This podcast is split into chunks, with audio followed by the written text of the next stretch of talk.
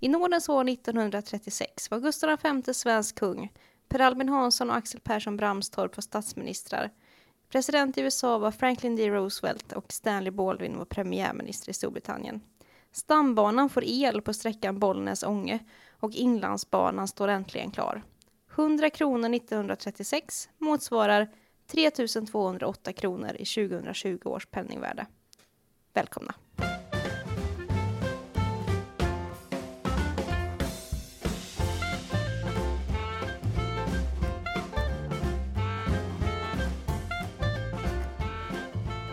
Hej och hjärtligt välkomna till eh, podcasten Historielingo som drivs av mig, Ivar Morgan. Och mig, Lisa Viktorsson.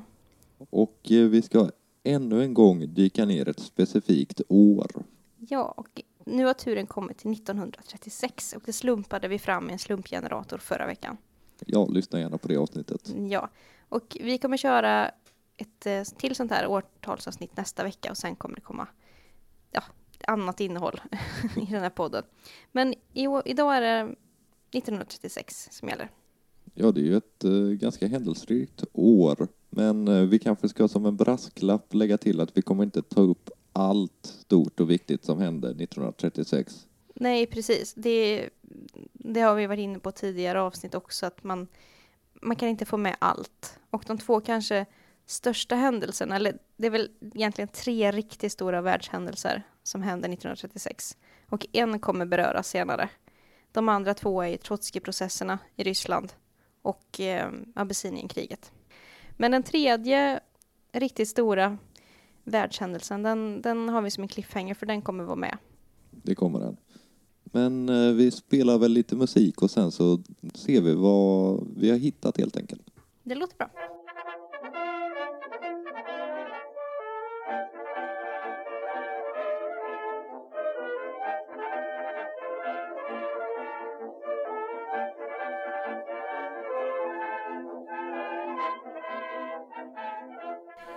Ja, jag har valt det första ämnet. Mm -hmm. Spännande. Och eh, det är inte den stora världshändelsen, utan en betydligt mindre kanske. Men som fortfarande spelar roll, tror jag, för gemene man. I alla fall i Sverige. Ja, Okej, okay.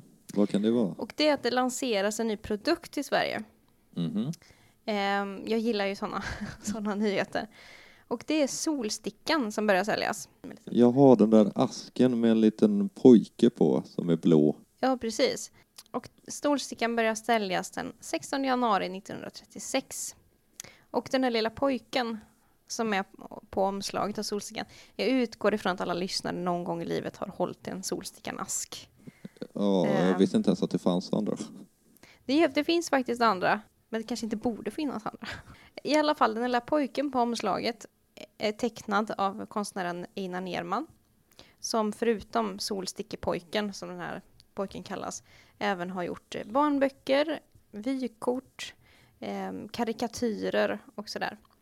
Ja, den, den här bilden, den känns ju ganska 30-tal faktiskt. Jag visste inte att det här var från 30-talet, men eh, det känns ganska logiskt att den här är ritad på 30-talet om man kollar på estetiken. Liksom. Ja, absolut. Och som modell för den här solstickepojken stod Einars son Tom. Mm -hmm. Och eh, det här anses ju vara ett av världens mest producerade konstverk. För att det har sålts i oändligt många miljoner exemplar. Ja, det är klart. De har hållit på sedan 36 så det är ju slit och slängprodukter liksom, tändstickor. Ja, men vad var då solstickan för någonting? Ja, det var ju tändstickor naturligtvis. Men vad var det som gjorde att solstickan stack ut från andra tändstickor? Det har ju funnits Tre Stjärnor och andra eh, ja, tändsticksmärken innan. Och det är att solstickan är ju tanken med Solstickan är att det ska, ska generera välgörenhet. Ja, okay. Det finns en stiftelse som också grundas 36 som heter Stiftelsen Solstickan.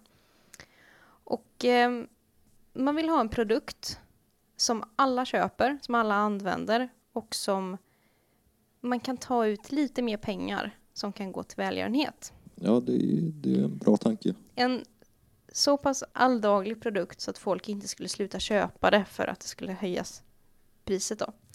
Och man höjer inte så mycket, man höjer med ett halvt öre. Eh, liksom kontra andra tändstickor så att säga. Och eh, det står ju ganska tydligt på asken vad eh, pengarna ska gå till. Står fortfarande än idag. Till förmån för barn och gamla. Ja, det har jag aldrig lagt märke till. Och det var ju framförallt barn som fick eh, nytta av de här pengarna då. Och det var barn med funktionshinder eller med kroniska sjukdomar. Och pengarna användes också för att stadsbarn skulle få åka ut på landet på kollo på sommaren och få liksom frisk luft och sola och Ja, bada. det är ju bra. Och initiativtagare till detta, han hette Mattias Hallgren. Och eh, det här var ingenting som man bara höll på med på 30-talet, utan Solstickan finns ju kvar. Mm, I allra högsta mån. Ja, jag tror de allra flesta lyssnare säkert har en Solstickan-produkt av något slag hemma. Nu finns det ju i, ja, inte bara tändstickor utan det finns väl briketter och tändare och lite allt möjligt. Men eh, det är inte heller borta det här med välgörenheten utan fortfarande idag går pengar till välgörenhet. Och den lilla asken, den klassiska liksom fickasken, Solstickan, den går 8 öre per såld ask Ja, okej. till den här stiftelsen Solstickan som fortfarande då verkar för att barn ska få ja, en- bättre tillvaro. Det, man uppmuntrar in, initiativ för, eh, för olika projekt som ska vara till barns fördel. Och de här större hushållsaskarna som nog många har hemma, de går hela, hela 80 öre per ask till Solstickan. Eh, ja, och totalt så genom åren så har Solstickan genererat ungefär 100 miljoner kronor till barn och ungdomsaktiviteter. Då. Det är väldigt mycket pengar. Det är extremt mycket pengar. Och faktum är att än idag, utav av alla tändstickor som säljs i Sverige, så är hela 98 procent av tändsticksaskarna Solstickan. Så det är väl så nära ett monopol på en produkt man kan komma Jaha, idag. det får man väl säga. Som sagt, det- var en liten nyhet kanske, men det var någonting som påverkade hela samhället för alla hade tändstickor. Och Mm. alla har fortfarande tändstickor hemma. Och alla har sett so- Solstickepojken. Verkligen. Vi går vidare.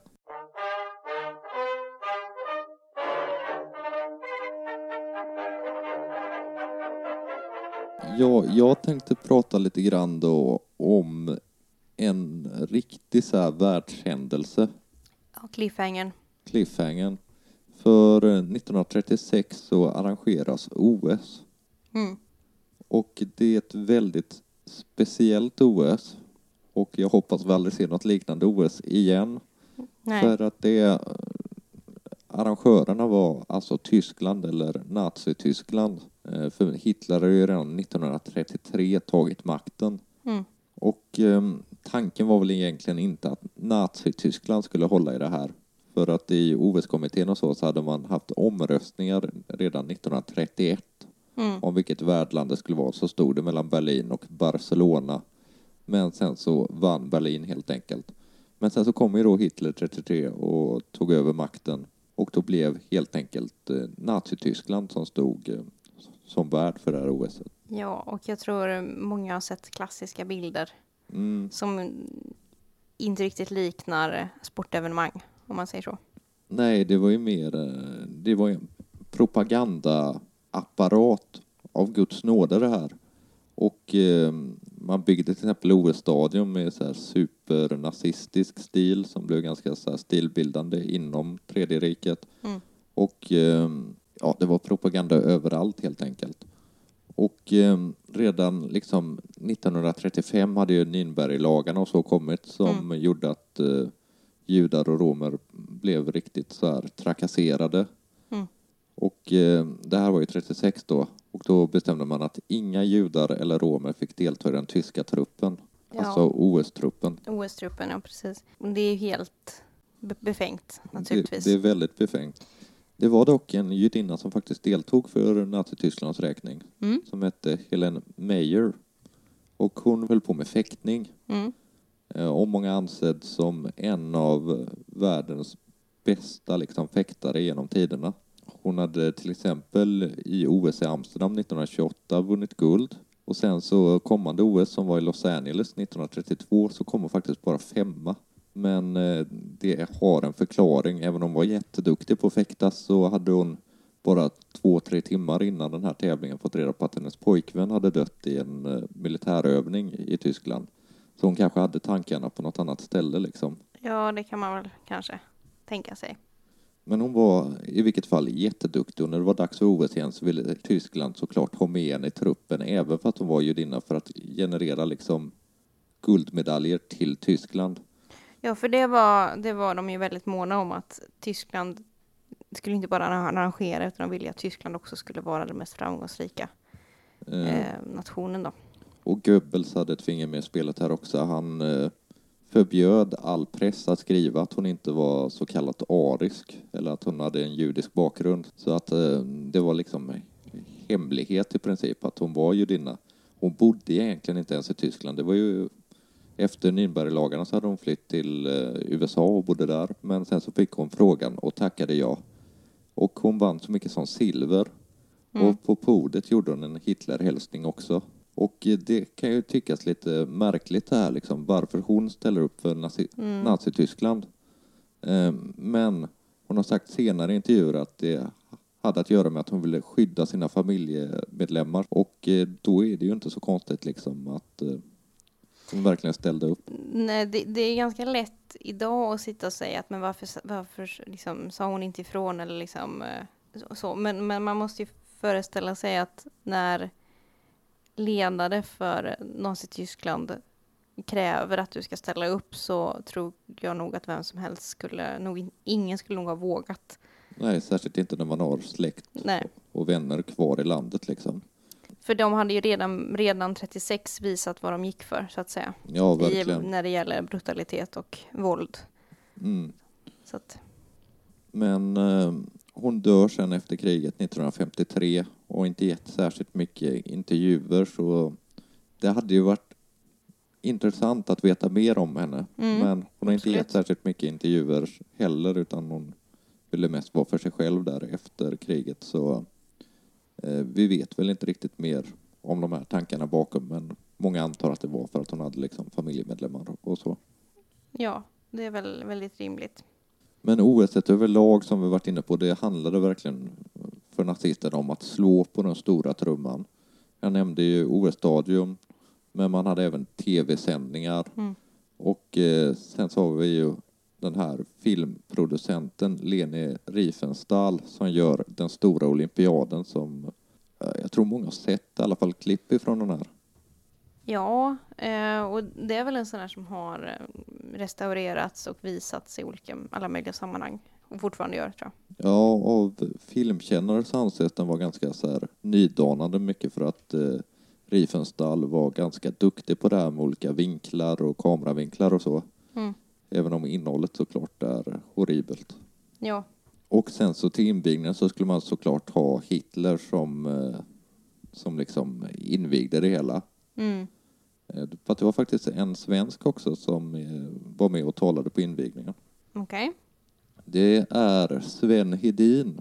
Ha- Han har Ja. vi talat om tidigare. Jag lite vet grann. inte, har vi gjort det i, i den här podden? Vi har i alla fall talat av ett av hans verk, nämligen det här Borgårdstalet. Ja. För han anses vara mannen som har skrivit det åt Ja, just Gustav den Jag femte. minns inte om vi nämnde honom då, men annars, Nej. gör, vi, annars gör vi det nu. Ja, och han var upptäcktsresande Mm. och eh, ja, lite kuriosa på honom. Till exempel 1902 så adlades han. Ja. Han var den sista svensken som adlades. Mm. Och 1913 blev han ledamot av Svenska Akademin. Mm. Men han var ju Tysklandsvän och det är ju ett problem. ja, det är väl det som han är mest ihågkommen för och känd för är väl hans väldigt skeva eh, människosyn och syn på världen. Mm. Men han var i alla fall Jag har läst lite av hans, av, av, av hans eh, texter och det är ett lite tveksamt innehåll kan man säga. Ja, det får vi verkligen säga. Sen så en annan grej med det här är ju att USA kom ju med en trupp till eh, det här OSet Mm. och hade väldigt många duktiga idrottsmän. Till exempel en man som hette Jesse Owens. Eh, och han vann så mycket som fyra guld det här året. Han vann i 100 meter, han vann i längdhopp, han vann i 200 meter och han vann i fyra gånger 100 meter. Så han var ju en superatlet liksom. Mm, fyra gånger 100 meter, det var väl, är väl stafett va? mm, jag tror det. Så då var han inte helt, inte helt ensam. Men ändå, fyra guldmedaljer är mycket. Ja, det är mycket. Och sen så var det en annan man som hette Cornelius Jansson som Mhm. också vann guld. Eh, men Hitler han vägrade gratulera folk som var afroamerikaner. Mhm.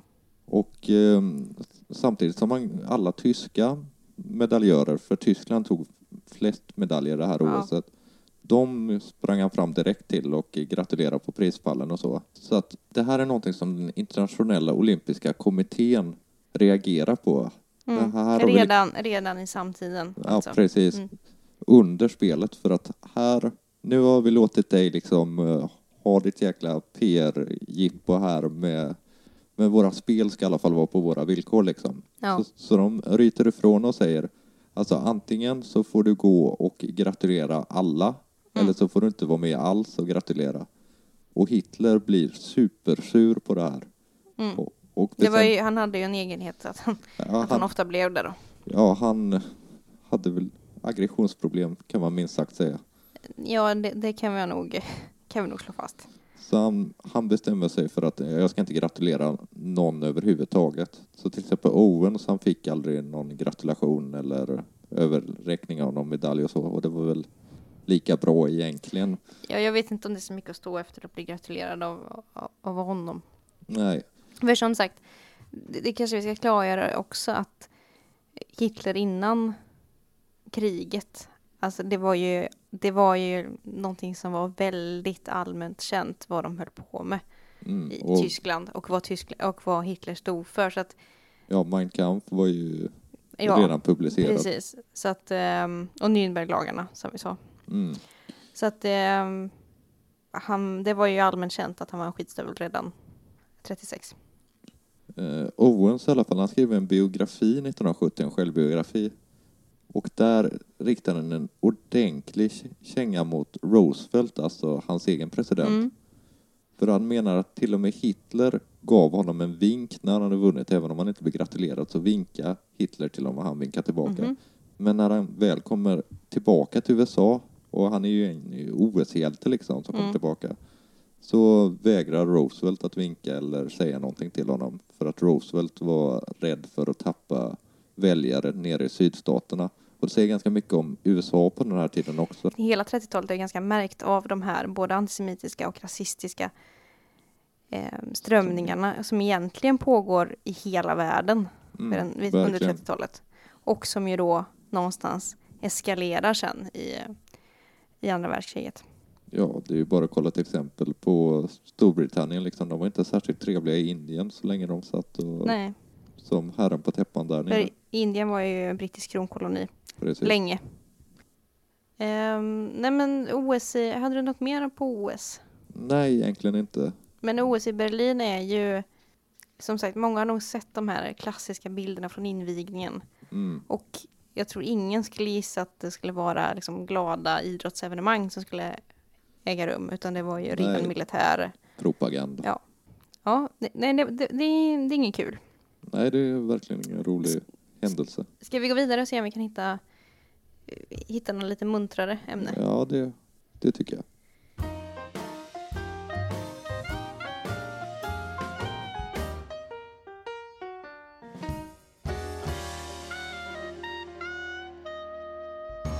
Ja, då är det jag som har valt ämne och då blir det lite mindre nyheter Mm. igen. Jag tänkte vi skulle ta ett litet svep över nöjesåret 1936. Ja, det kan vi göra. Ehm, vi brukar ha ett sånt här svep.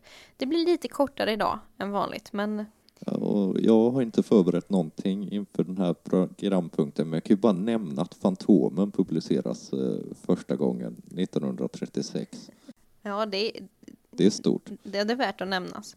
Men kör på du nu.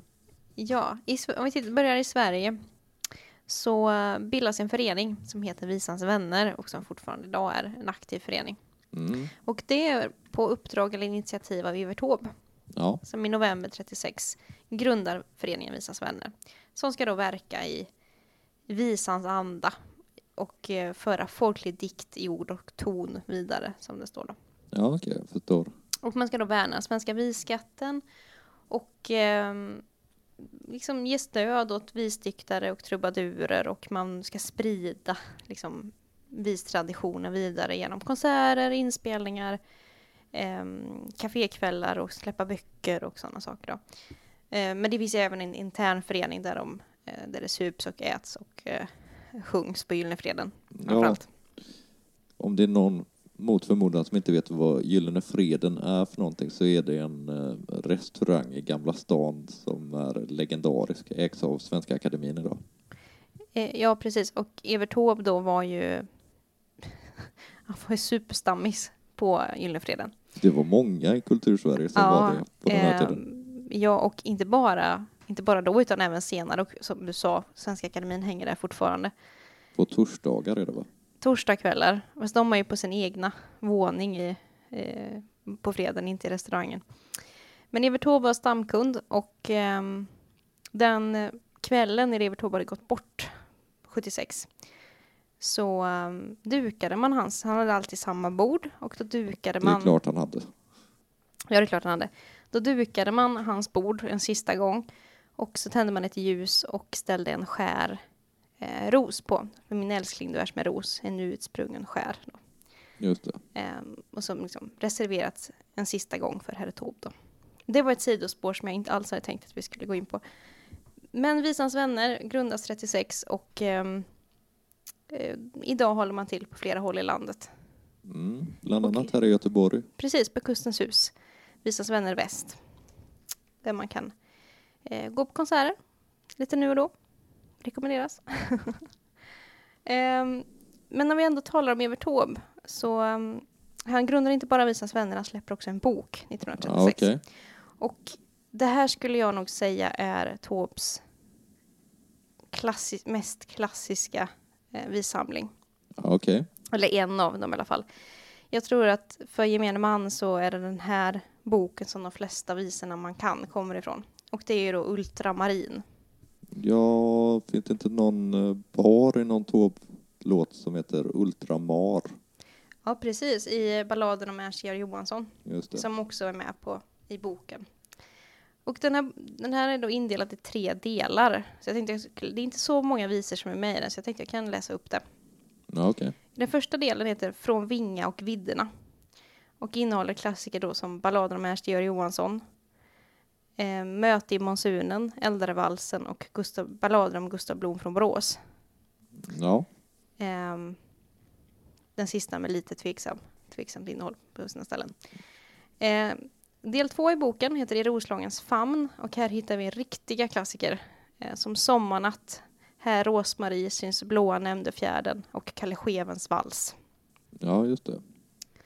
Och eh, den tre, sista då, del tre, heter Toner från ute och havet. Och där hittar vi Vals på mysningen, Sång i dansiga gatt, Elinors vals, Än en gång däran och Utevisan. Ja, okej. Så att eh, 1936 släpps då eh, en, en stor del av det svenska liksom, eh, kultur och visskatten skulle jag säga. Så, så det är väldigt utlägg om, eh, om Evert Taube. Det kan hända att eh, Taube kommer återkomma i den här podden. Men det händer en del annat i kulturvärlden, i kulturlivet 1936. Ja, okej. I ett tidigare avsnitt av de här eh, årtalsavsnitten så talade vi om Jussi Björling Ja, Och hans- just det. svenska debut. 1936 så slår han igenom internationellt när han är med i uppsättningen av La Bohème i Wien. Ja, det är den här gamla 1800-tals eh, operan av Puccini, är det va? Ja, jag tror det är Puccini.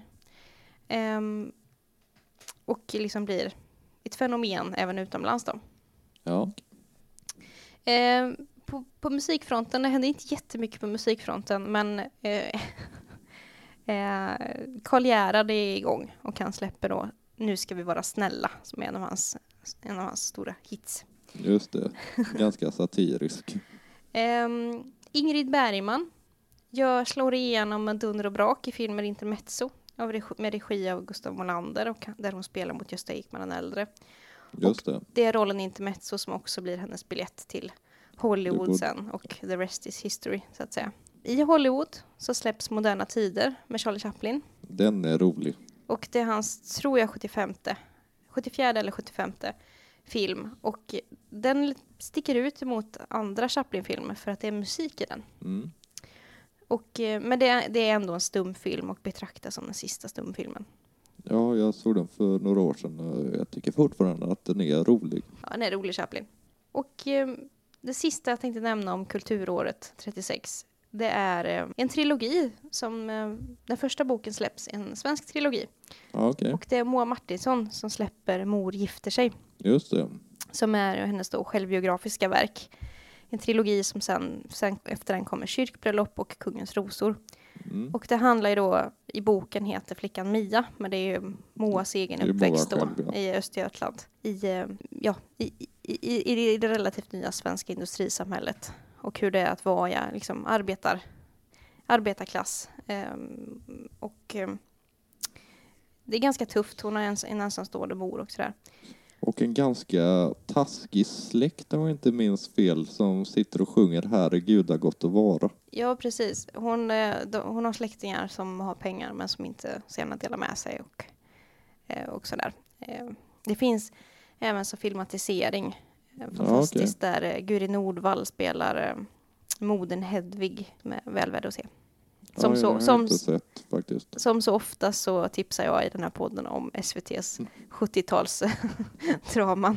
Men den är väldigt bra. Ja, det får jag kolla upp. Jag, jag har faktiskt bara läst uh, Mor gifter sig och inte de andra två i trilogin. Och jag har Nej. inte sett eh, filmatiseringen heller. Tv-serien handlar ju också bara om den här första delen, Mord gifter sig. Ja, okej. när Mia då, karaktären Mia, är, är barn så att säga. Och sen så blir hon tonåring då i, i, i kyrkbröllop.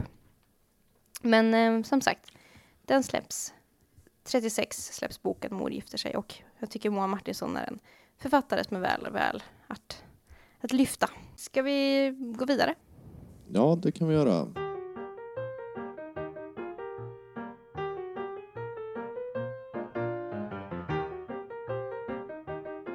Jag tänker, eh, för min nästa punkt där jag förberett lite grann, så ska vi gå in i de riktigt fina salongerna ännu en gång. Vi ska prata kungligt. Okej. Är det måhända det britt, brittiska kungahuset vi ska gå till? Eh, Det stämmer alldeles utmärkt, för vi ska prata om eh, en monark som hette Edward den åttonde. Jajamän. Han var ju då son till George den eh, femte och drottning Mary. Han blev tillsatt som kung 1936 och då blir hans fullständiga titel så här. Edward Eighth by the grace of God of Great Britain, Ireland and the British dominions beyond the seas, defender of faith, emperor of India. Eh, Okej. Det är en ganska lång liksom titel att ha. Ja, det kan vi ju bara ta en parallell till i den här podden tidigare i avsnitt 14. Mm, Så talade vi om eh, just det här med trontillträde i Sverige. Just det. Och eh, om man är intresserad då så kan man ju höra den handfästningen som eh, Gustav VI Adolf lämnade när han eh, blev svensk kung. Ja, det det var också någon- ganska lång titel. Det, ja, jag vill minnas det som ett ganska roligt avsnitt, så lyssna gärna på det. Ja, men nu är det alltså Edvard den åttonde som... Det är Edvard den åttonde vi pratar om. Mm. Och eh, den 20 januari så är det han som axlar liksom uppgiften att vara kung. Och eh, tidigare så hade han, ja, han har varit i flottan främst. Och varit officer i flottan. Eh, men nu blir han helt enkelt kung Mm. av, eh, ja det måste väl varit ett av världens absolut största kungadömen liksom. Även om eh, England är ganska litet så hade vi det här samväldet. Så, Ja, som ju vid den här tiden var väldigt stort. Ja, vi hörde till exempel här att han blev kejsare av Indien och Mm. Indien är ett stort land.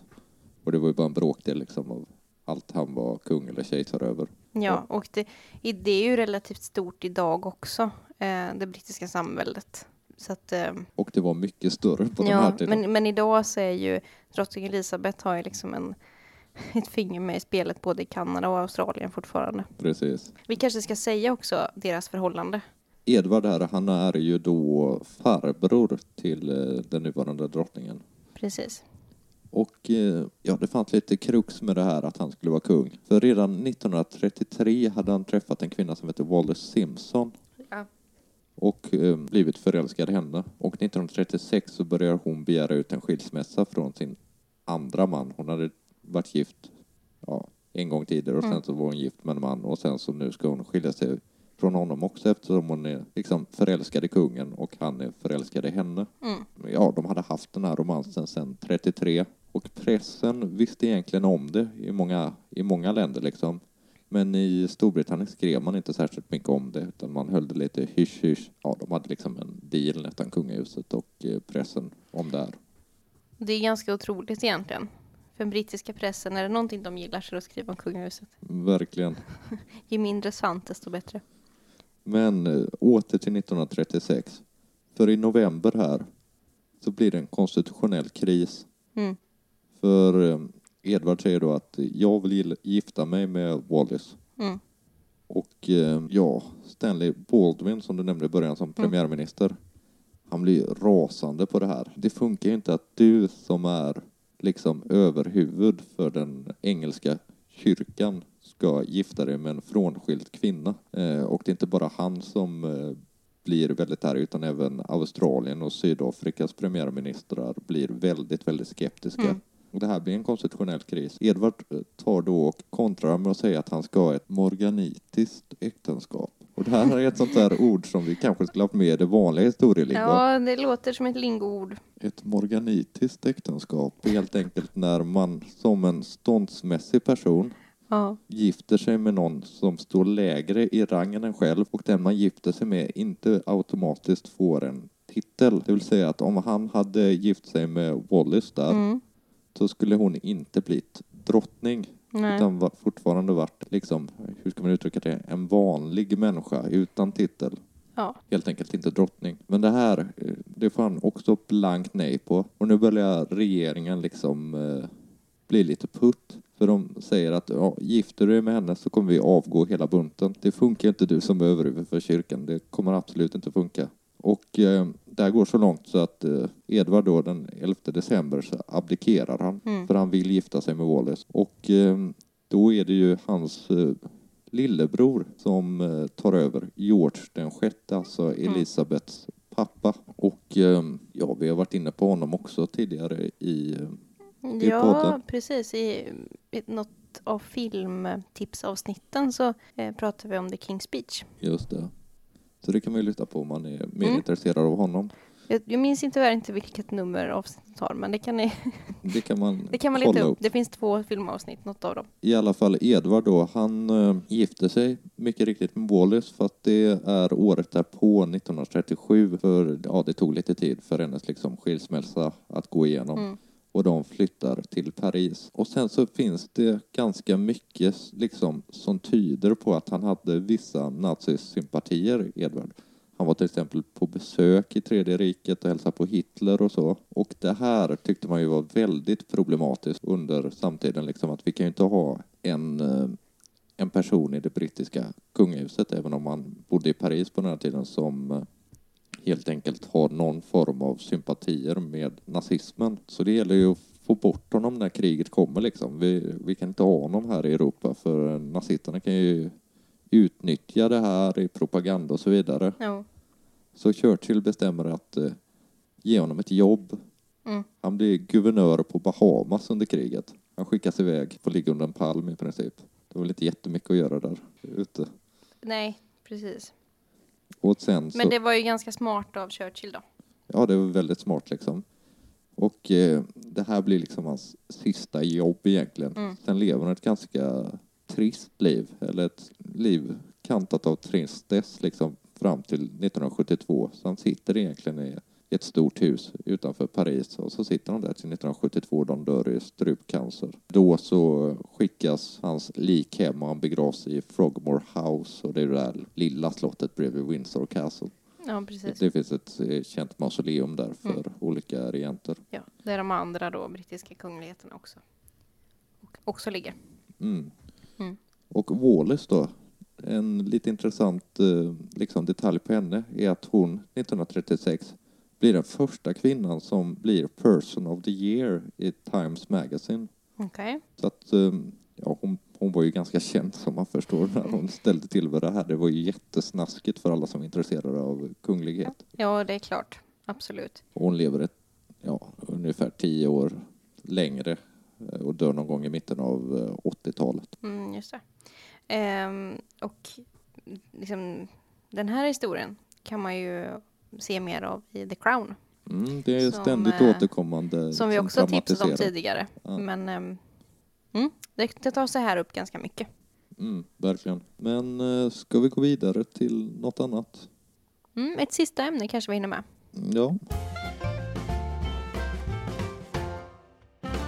Den 22 juni 36 Mhm. så är den då 12-åriga Ture, Ture Johansson ute och harvar på torvmossen. Mm. Vi har väl varit inne på det här med torv tidigare tror jag. Torvbrytning, precis. Han är ute och harvar torv på familjens torvmosse i Bocksten utanför Varberg. Då vet jag vartåt det här eh, barkar. Helt plötsligt så upptäcker då lilla Ture att det är inte alls bara torv som kommer upp när han harvar. Nej. Utan det kommer upp någonting helt annat. Eh, några konstiga tygbitar kommer upp i harven och kan gå fram och tittar och där ligger en manskropp. Ja. Och ehm, Ture blir ju rädd naturligtvis, antar man, väl, antar man väl. Och springer hem och hämtar sin far, som väl blir lika förskräckt han. Och sen tillkallas då eh, landsfiskal och eh, läkare och allt möjligt då. Fast rädda livet på den här människan var ju helt orimligt för att det visade sig ju vara eh, 700 år gammalt. Men i alla fall. Eh, det är alltså upptäckten av Bockstensmannen jag talar om. Mm. Sveriges mest kända mosslik. Ja, det får man väl ändå, ändå ge honom. Ehm, för i den här torvmossen då så ligger det ett helt intakt skelett, Mm. intakt hår, krulligt hår och eh, även hjärnan är intakt och en hel del hudbitar och framförallt så är klädedräkten helt intakt. Och det här är ju väldigt spännande för alla klädhistoriker. Men han är alltså inte konserverad med m- med inälvor och muskler och, och sådana saker, utan det är ett skelett liksom. Eh, förutom hjärnan då, som är en mjukdel som är bevarad. Och, eh, han är helt intakt. Det enda som är trasigt egentligen i klädedräktsväg, det är då den här lilla tygbiten som Ture Johansson har dragit upp med harven. I Ja, övrigt okej. så ligger han helt intakt. Och eh, det här var ju en extrem upptäckt naturligtvis. Men eh, är det inte så, kläddräkten borde vara lite trasig för visst har man kört en pål igenom Ja, hjärtat? jag tänkte precis komma till det. Jag tänkte komma till det lite mer senare faktiskt. All right. För det man gör, man börjar göra undersökningar på, på det här liket då och ganska snabbt så konstaterar man att mannen är död och Ja. att det är så gammalt lik så att brott kan inte, liksom, det är ingen brottsutredning som behöver sättas till. Och man flyttar då det här liket till, eh, till Varbergs fästning, till Hallands, Hallands kulturhistoriska museum där det ligger idag. Mm, man kan se det. Det kan man göra, absolut. Det rekommenderas. Och eh, man börjar göra diverse undersökningar på, på kroppen till att börja med och eh, man börjar fundera på liket då har rött hår. Mm. Men frågan är, var han rödhårig? Förmodligen inte. Okej. Eh, för det har man funderat lite på och man har testat och lagt blont hår i mosse. Okej. Och det blir rött ganska snabbt, så antagligen var han blond. Med hjälp av tänderna har man kunnat konstatera även hur gammal han var. Och han Mhm. var en man mellan 25 och 35. Ja, okej. Och ehm, som, som du sa så, så var han ju pålad. Mm. Och inte bara en påle, utan han hade tre pålar genomstuckna i bröstet. Ja, det är otrevligt. det, är, det är synnerligen otrevligt. Och eh, då kan man fundera på va- varför han har det. Och troligen så har han ju blivit mördad. Ja, annars eh, pålar man väl inte någon genom kroppen liksom.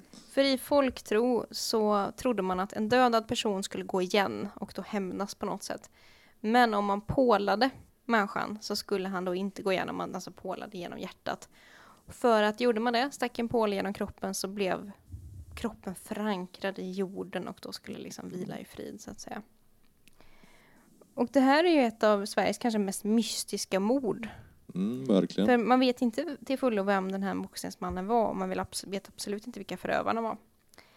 Och man kan undra så här, varför i en mosse? För det är väldigt ovanligt under, det kanske jag glömde säga, men boxningsmannen är ju daterad till tre- 1300-talets mitt ungefär. Mm. Man brukar prata om mellan 1340 och 1370 ungefär.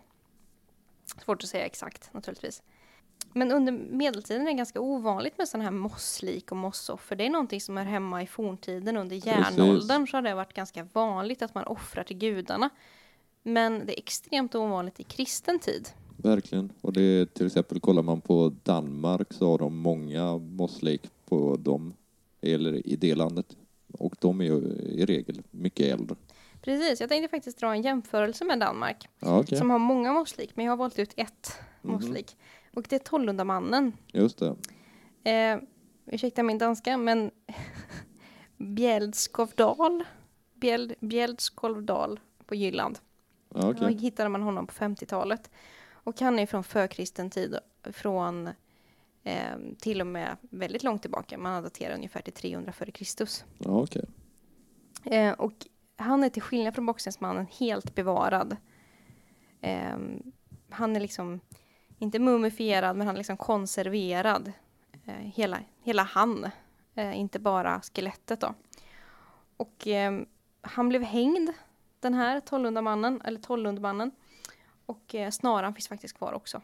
Okej. Och anledningen till att lik och föremål bevaras så väl i torv och i mossa, det är ju för att det är, det är syrefritt. Ja, helt precis. enkelt. Så det, Det är syret liksom- som, eh, som bryter ner och ja, så det blir som konserverat helt enkelt. Mm. Det blir som en stor konservburk, liksom. Mm. Hela mossen.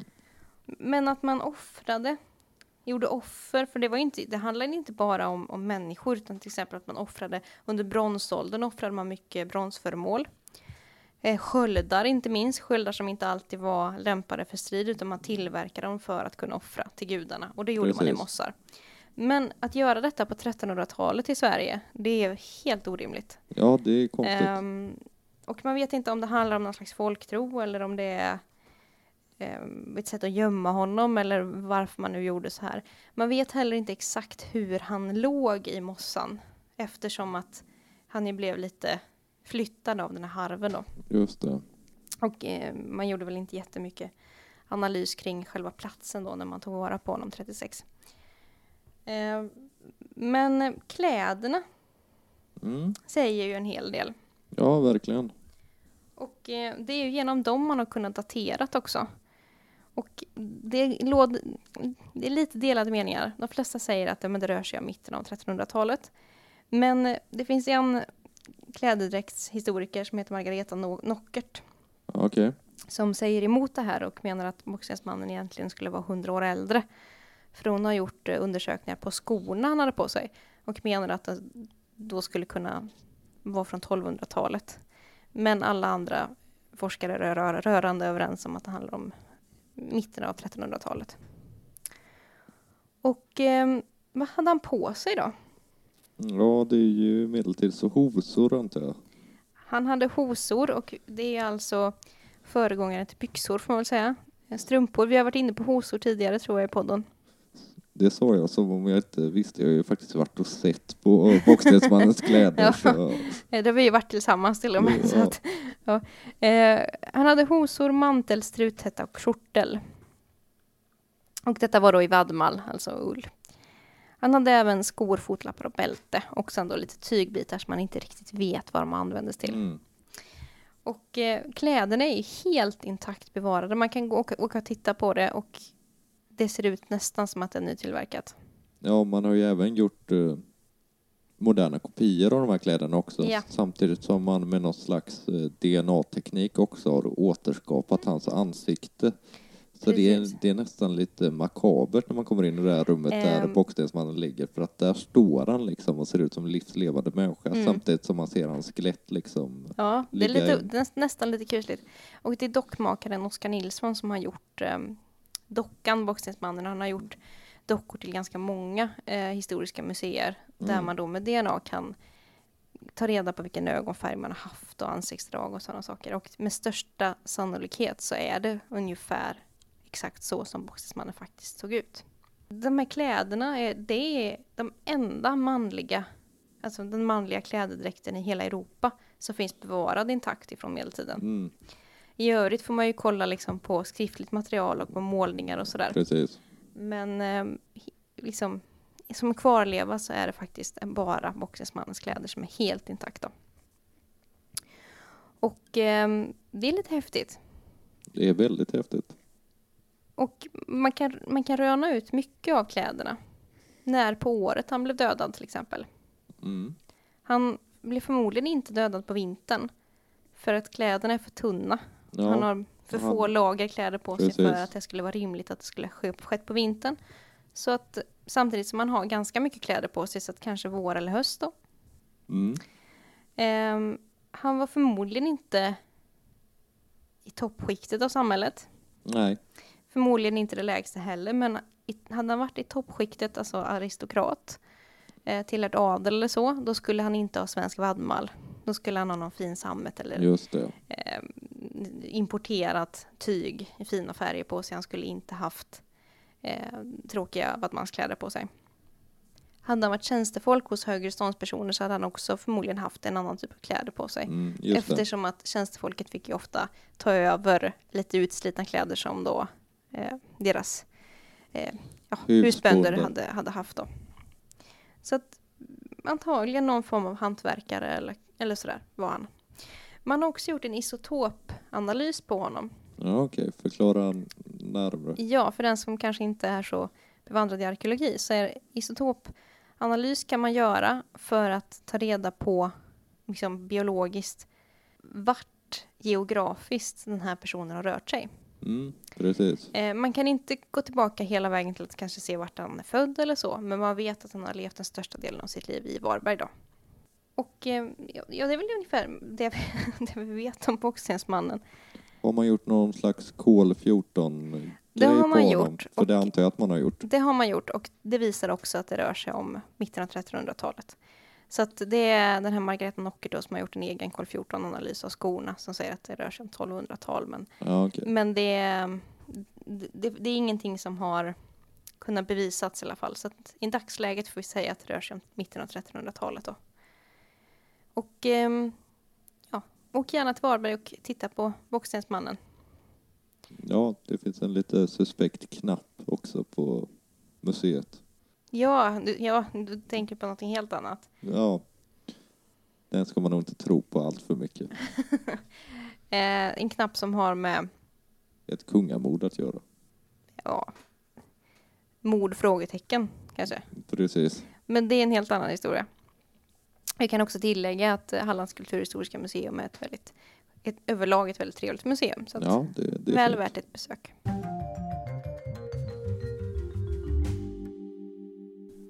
Ja, men då är det väl dags att börja avrunda det här avsnittet. Men innan vi gör det så ska vi väl eh, generera fram ett nytt år till nästa vecka. För jag tänker att vi kör det här konceptet en vecka till.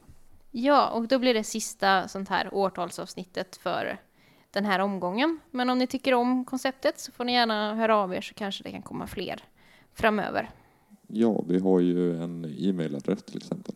Ja, historielingo.gmail.com. Och sen så finns vi på sociala medier. Ja, ni hittar oss på Instagram och där heter vi historielingo och det går bra att kontakta oss även där.